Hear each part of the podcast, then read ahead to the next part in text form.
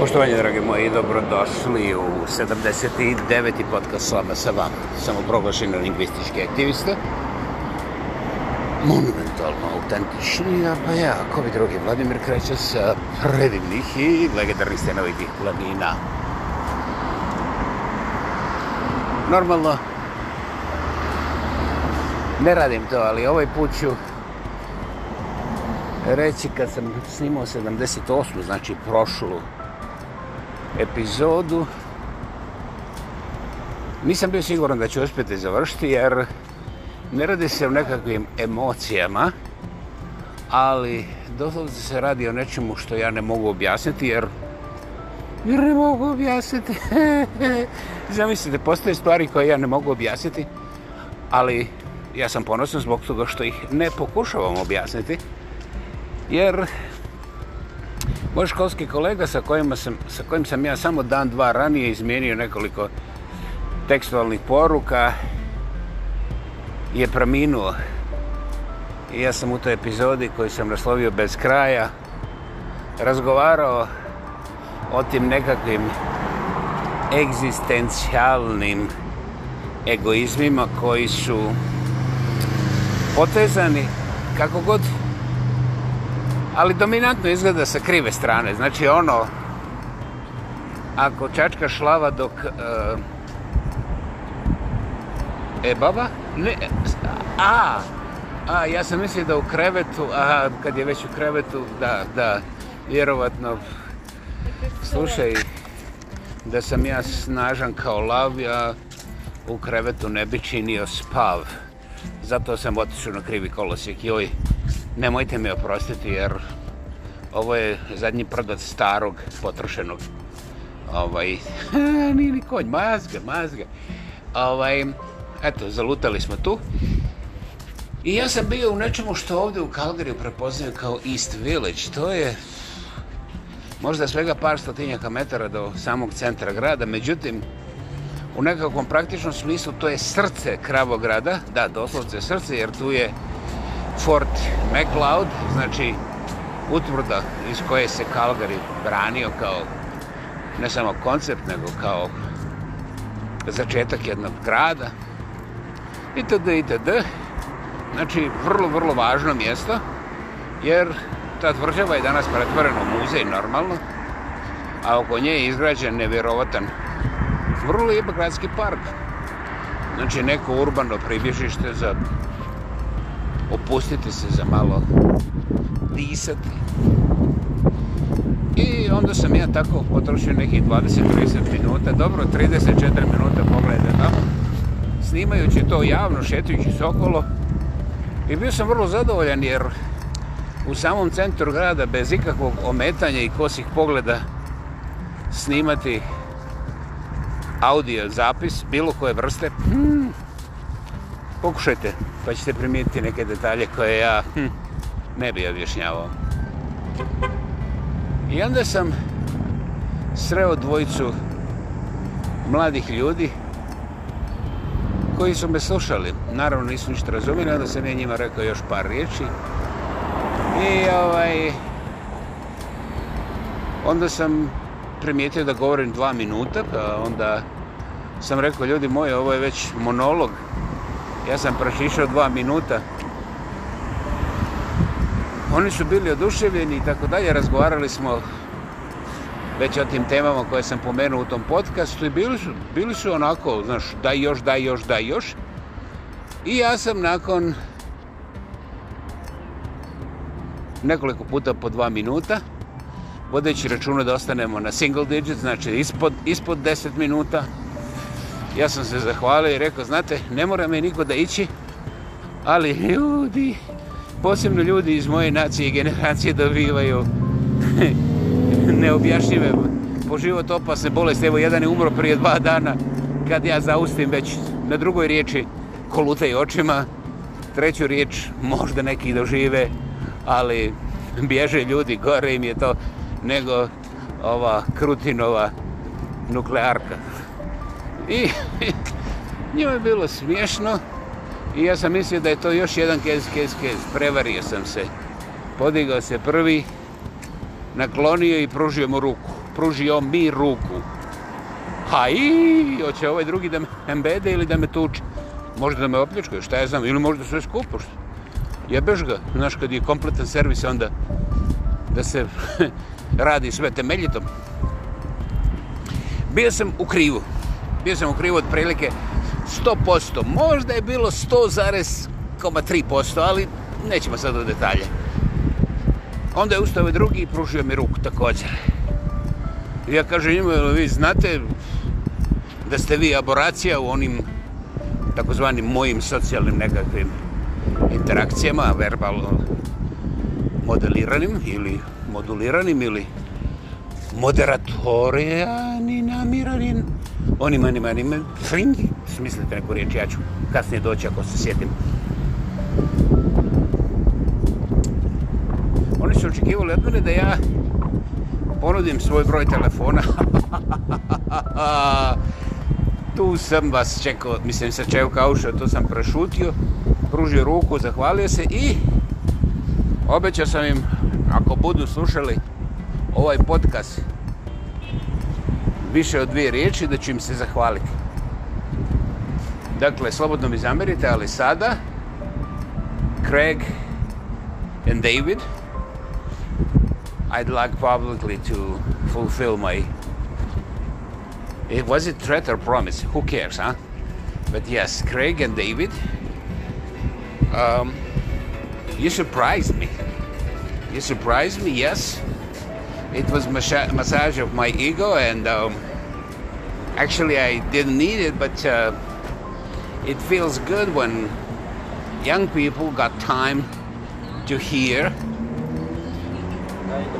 and be connected and uh, think that is brilliant that's my reason why i'm mentioning you here thank you guys my appreciation and yes i bow down in front of you because, um, hey, I may not live to have second Craig and uh, David in my life, which is totally okay. I will not suffer because the guy who died and I was talking about doesn't suffer anymore. I'm kind of envious because um, he doesn't have even bills to pay anymore. So I'm not looking at what is lost. It's a, just life, you know? And uh, after some time, that's not big loss, you know? But also, you gain a lot. For instance, you gain freedom, unimaginable dimension of freedom, and uh, after so many years, I'm actually happy to think that way. Craig and David, once again, thank you. Dakle, dragi moji, nemojte mole sad reći da sam ja postao internacionalac, jer baš sam gledao ove statistike i ovaj, o tim mojim statistikama ima toliko ljudi da... Najzbiljnije, malo me i strah. Jer, ovaj... Znaš, kada govoriš jednom, dvojici, trojici, petorici ljudi, znaš ono, hajde de. Međutim, kada se pojavi desetak ljudi, onda se može desiti da oni počnu da viču da te upuše i da ti više nema šta da kažeš. Wow! Znaš, i desetorici možda čak može i da pobjegneš, znaš, ako bude gust. Međutim, kad se pojavi sto ljudi u gledalištu, to je slušalištu, ajme, ne možeš reći ništa što oni već ne znaju. A ako te neki ne vole, onda nema nikakvog problema da te pakiraju na način koji oni smisle, jer njima je apsolutna snaga na strani, plus sto ljudi mora biti pametni od jednog. E sad zamislite, hiljadu ljudi, pa onda pet puta tako i još malo više. Dakle, to, zbog toga je meni sram. Sram, a rekoh strah kad sam bio dole na deset. Evo ga objašnjenje. Pa rekoh li vam da sto ljudi sigurno jesu pametni, mislim moraju da budu pametniji od jednoga, bez obzira koliko mu jezična bila dugačka. Međutim, kao što vidite, nas vrlo mala grupica lažljivih kriminalaca koji su kao nekakvi demokratski lideri i tomu i slično, sa onim majmunima pozadi koji proizvode i prodaju sredstva za samousrećivanje, jeli, li, najprije oružje.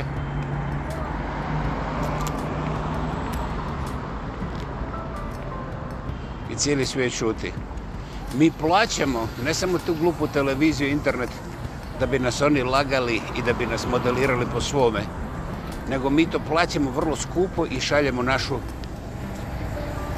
najzdraviju, najsposobniju mladost da se u blatu proliva i jeli u smrti kupa. Mi smo fanatici, mi smo jedna, kako vrijeme odmiče, sve primitivnije i primitivnija kultura, nja, civilizacija. ovaj, recimo najdemokratskija demokracija od svih zemalja, na ovoj planeti, jeste, potražite u svojim učbenicima, u zadnjih 70 godina je ratovala šireći demokraciju i 60 miliona po njihovom vlastitom priznanju ljudi je pobijeno okolo ove planete. Oni nikad nisu odgovarali zato što nisu ružni kao Rusi. Zato što njihovo oružje nije tako kao Rusko. Rusko oružje uvijek promašuje, znaš. Mislim, Rusi ili pogode sebe ili nemaju dovoljno oružja ili su, mislim, ono, pa oni su glupi, mislim, jer dokazano je da su oni neka rasa, znaš, ono, malo, šta je, znam, pff, nisu ni cigani, nisu ni kinezi, znaš, ono, recimo, ako slučajno pada kiša i onda ti se to ne sviđa, svi znamo da su to Rusi zajebali, znate? Sad, da li sam ja ciničan u toj mjeri da taj absurd dotjera do toga da su Rusi potpuno nevini? Ma ljudi, odjebite svi skupa.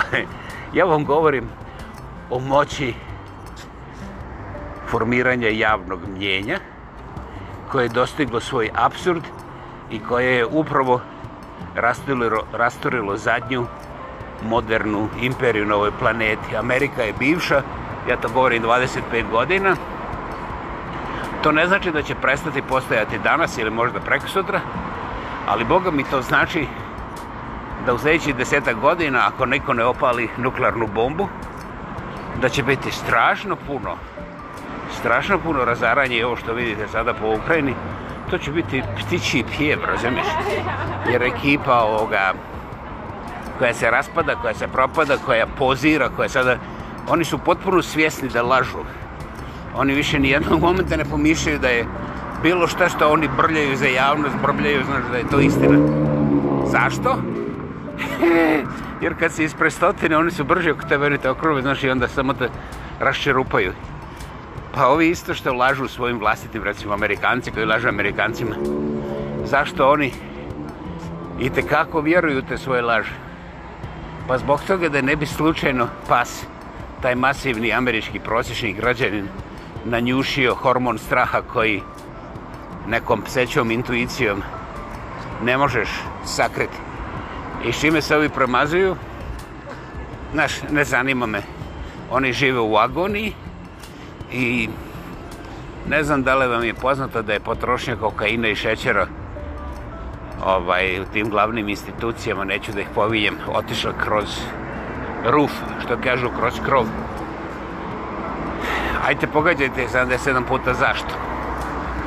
A mi stojimo sa strane i aplodiramo, svađamo se sa našim susjedom, jer on ne razumije da je Pentagon rekao da je ovo istina, a ovi, razumiješ? Kada Šolc biva izviždan dok priča o vojevanju kontra grdih Rusih, nesposobnih Rusa, ovaj, onda je to grupa nekakvih ljevičara koji prduckaju, nisu kulturni da mu dozvole da govori. Interesantno, ti ljevičari plaćaju njemački porez, njemačkoj državi, koja to onda sve lijepo šalje u Ukrajinu. Interesantno, to su, to su, to su te demokratske staze i bogaze koje ovoga i tako dalje i tako dalje. Ha, boli me briga, ako ne vidite, neću vam ja objasniti. I... Dakle, da li sam ja morbidalas? Tu se postavi jedno pitanje, jedan divo mlad čovjek negdje iz zemlje Srbije. Preplašio se za mene, kaže, stalno govorim o smrti, da li sam sad mrtav i tako dalje. Ja kažem, jebeš ga, znaš, nisam mrtav, nisam mrtav, ali moram, evo sad javno da ti kažem, a, ja imam slonovsku memoriju, znaš, ja sam imao 16 godine kad sam znao da se ne može desiti da ja imam dijete volim familiju, volim dete, ja sam seljačko dijete i tu su svake, svaka nova beba je bila masivan dobitak i masivna radost i neponovljiva, neponovljiva situacija koja se ne da objasniti, pogotovo onima koje su odrasli na asfaltu. Šta to sve dijete donosi? Znači, međutim, u ovom današnjem vremenu mi trebamo pokokati otprilike 5 milijardi ovaj, tog stanovništva, jer to su samo ti ovaj, zobljari po tim urbanim džunglama. I ovaj, sada ti naši lideri vode sve računa oko toga kako to ukloniti. Uspjeli su nas na dvije godine zatvoriti, pritvoriti, ukinuti masu toga što evo ni danas nije vraćeno nazad. Recimo ja sam u Kravogradu, šećem se da sada je na oko 8 sati pola restorana je zatvoreno, temperatura je 25 divota, ovdje temperatura 25 je, ne može da se nađe dalje od prostora nekih 2, 2 i po mjeseca. Znači, očekivao bi da ljudi idu vani, nema toga. Recimo, ja sam volio popiti kasnu kavu, ne kao u Beču, jer u Beču nema, nema ograničenja. Da li nema danas, to je druga stvar. To pogledajte. Recimo, u Kalgariju si mogao glatko do ponoća naći otvoren tako neki pristojen Starbuck da ti ne dođe neka pijana majmunčina na vrat. Međutim, danas 99% Starbucka izuze onoga na aerodrobu i ne znam da li ima još jedan ili možda dva na milijuni po stanovnika. Taj Starbuck je jedini koji radi do A taj na aerodromu kažu da je sad produžio vrijeme do 9.30. Dakle, na kapaljku. I oni vrlo dobro znaju da su to ozbiljni novci koji su izgubili. Oni vrlo dobro znaju da pandemija više ne utječe na to. Oni vrlo dobro znaju da ljudi koji im su potrebni da tu rade su već zaposleni i da će oni i kako biti radosni da rade dva, tri sata kasnije, jer to se plaća, jeli? I svi zarađuju. Međutim, kao što vidite, free market mora da arlauče kako su Rusi ružni, glupi, nesposobni i onda moraju da zatvore ranije da bi imali potpomoć od ovih, da bi oni bili svježi i tako dalje i tako dalje i šta je znam. A onda ja napravim od toga teoriju zavire i prodajem podcast. Znači, vratimo se na ovoga mladića koji je Eto, pitao je sam li ja mrtav, jer ja tako volim smrt. I ovaj, da skratim, neću sve objasniti, ali će biti jasno. Ovaj, postoji jedna stvar da je vrijeme u kojem živimo morbidno. A ja koji volim smrt, nisam ništa drugo nego neki balansista. To je negdje iz 18. stoljeća, to su balansisti, jedno, jedan pokret. Neki kažu o filozofiji, neki kažu u egzistencijalnoj kao književnosti ili misila što trta mrta i lijevo desno izaberite, čitajte, nađite.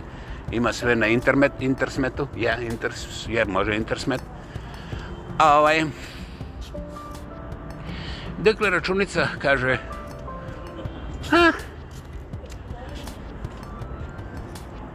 ja volim smrt, međutim, volite smrt, nije pitanje, nije pitanje, morbidalnosti. Morbidalnost je vrlo često alat koji koriste oni koji žele smrt kao destrukciju. Znate, to, to je suštinska razlika. Na razno razne načine, počeoši od seksualnosti, emotivnosti, do, do iščešenosti, do ovih eh, frontova, da ih ne spominjem, pa onda naših dragih političara, to je, to je barem podcasta o kojima neću sada ništa. Međutim, morbidalno je, zapamtite, ključna riječ za morbidalno je ono, taj neki koji je moćan, on tu moć koristi za crnu, za vašu smrt, on ne želi da vi živite, on ne želi da se vi skupite, on ne želi da vi prolazite korisno i konstruktivno i naravno, kroz sve to, najvažnija stvar je kontrola. Hoćeš keke, hoćeš reke, i bilo čega između toga. Dakle, gospodo moja, a oni pojedinci kao ja koji vole smrt, oni ne govore o smrti tamo nekoga ili nečega.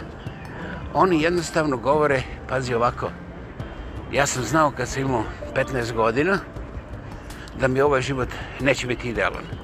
Da li sam znao sve detalje? Ne, znate, Nostradamus je nova lijeva vrata, četvrti kat, soba 37. Ja tamo nisam. Dakle, o čemu se radi? Ja sam primijetio da ljudi pokušavaju fantazirati kako će živjeti beskrajno i kako se kroz život ponašaju da će živjeti beskrajno. Da li ja to vidim problem? Ni slučajno. Međutim, ja vidim da ljudi koji fantaziraju kako će živjeti beskreno prave užasne probleme morbidnog karaktera svojim najbližim familiji i prijateljima. Isto neću obrazlagati, razmislite na koji način. I da oni gotovo nevjerovatne žrtve traže od ovih mlađih, zdravih i tako dalje, da bi oni mogli živjeti duže dva dana ili dva tjedna. Jer to nije dva dana ili dva tjedna, zbog toga što oni znaju da će oni preživjeti sve. I ovih prvih 100-150 godina imaju te nekakve male štuc, ali Znaš, ako vi uložite milijon po miliona, pa ja onda za mene srce i pluće, lijevo desno, on drugo vrgao da kao uvezu malo iz Ukrajine, sad ima tamo friški. E, znaš, onda mogu ja da prebacim. Dakle, da, da, ovo nije ironija. Ovo nije ironija, postoji industrija kupovane i prodaje produženja života. Jedan mali odeljak toga je kupovanje organa širom svijeta, pogotovo tamo gdje se širi demokracija ima mladih leševa, a mladi leševi su, bože moj, izvor ovih rezervnih dijelova koje vrste hoćeš. I naravno to je biznes, to je lova, to je keka, to je suvo zlata. Eto, gospodo, to je to. Demokracije mi. Ali kada ja govorim o mojoj personalnoj ljubavi za smrt, onda je to u stvari ljubav za život. Jer I za mene treba da dođe neko, znaš, to mjesto, taj zrak koji koristim ja sada dok hodam, dok plebećem, dok... Razumiješ, ne mogu ljudi sad proći kroz mene na ulici, mora da idu lijevo ili desno. Jebeš ga, vidiš. Ja sam taj centralist koji odlučuje ko će lijevo, ko će desno. Razumiješ, zavisi kako se ljuljam po ulici. I ovaj... Ja sam jednostavno... A, samo verbalizirao to što se većina ne usuđuje. Ne zbog straha, ne zbog straha, nego zbog toga što oni rade autohipnozu, ja ću živjeti zilion godina. Ali ne kaže ja ću živjeti zilion godina, nego samo još ova pluća i ove bubrge da me nekako zamijene, ispeglaju naravno. Dobro, ne vezi što iz Ukrajine, nećemo k toga, razumiju, možda čak i ruska pluća, znaš, ali zato imam ukrajinski bubreg, hajde. Bilo je jeftini kod ovih. I ovaj, znaš, taj iluzionizam, ta šizofrenija, šizofrenija, i onda načini kako se to zavaravaju tragovi i tako dalje. To je toliko morbidnog otrova u našem takozvanom modernom društvu, još i naprednom, pa demokratskom, pa i slobodnom. tako da, kada ja volim smrt, onda ja kažem Bože hvala, što ja ne mogu da trkeljam za uvijek, što ću ja crknuti sad, možda koji dan, možda koji mjesec, šta ja znam. Ali, ovaj, Jer kad ja crknem, onda ta kupovina tih ruskih pluća i ukrajinskih bubrega neće postojati. Jer ko će govoriti o tome, znaš? Ne znam, ne mislim, ja nisam jedina budala koja govori ovako glasno, samo niste našli taj podcast, a vam, ja vam neću pomoći jer mi je drago što imam sad preko 5000 slušatelja. I ovaj, da, ja moram da vam se zahvalim što ste bili ovde i razmislite jer ovaj, jer nisam ovdje e, izašao u masažu svog vlastitog ega i da kažem, joj, gleda mene kako sam nadmoćan jer sam se pomirio sa smrću. Znate, nekako matematički možete tako i crtati. Međutim, ja sam govorio o ljubavi za život, jer sa mojom smrću se otvara veliki prostor i ogromne količine zraka. Pogledajte koliko zraka ja potrašam da bi živio danas. A onda pojao sam i dvije pice. Dobro, sinoći večeras možda i tri, šta je znam, ali kad ja crknem, onda će te dvije pice ovaj, i dalje biti na tržištu i neko će ih drugi njamnuti, znači neko ko živi, ko će biti mlađi, ko će biti produktivni, neki bolji model od mene, neki koji manje brblja, koji ne pravi sranja, koji se ne buni, razumiješ, koji je čist demokrata, ne ja koji sam, znaš šta se, razumiješ? Tako da, ovaj, ja imam uh, taj moment gdje vidim kako dolaze bolji modeli, znaš, ta, ta, takozvana mlađa djeca, znate. I ovaj, neki od njih će reći ovim lažovima, što sada drže sve nas zagrkljani za džep, mrš odatle, demokratiziraj svoju mamu, a mi ćemo biti mi. Jebeš ga. Možda sam je iluzionista, ali ljubav prema smrti ne smatram morbidnom. Morbidno je kada neko drugi nameće ciljeve i plašiva se sa smrću. Morbidno je, ključna riječ, destruktivno od nekoga prema nama. Iako nekada mi možemo biti uvjereni da smo mi morbidni, jer eto želimo da oni tamo budu mrtvi. Ne, to je samo bjesnilo bespomoći kada nemaš više šta drugo. Da li to znači da sam i ja ubjesnilo bespomoći kada kažem, ha, ne mogu ništa drugo osim kraja života tehnički se može reći tako. Međutim, ako uzmete u obzir da sam ja dosta dobroga učinio da bi doživio svojih 70-ak ljeta, onda ja sam već eliminiran iz te namještaljke. Eto, sad ste čuli sve.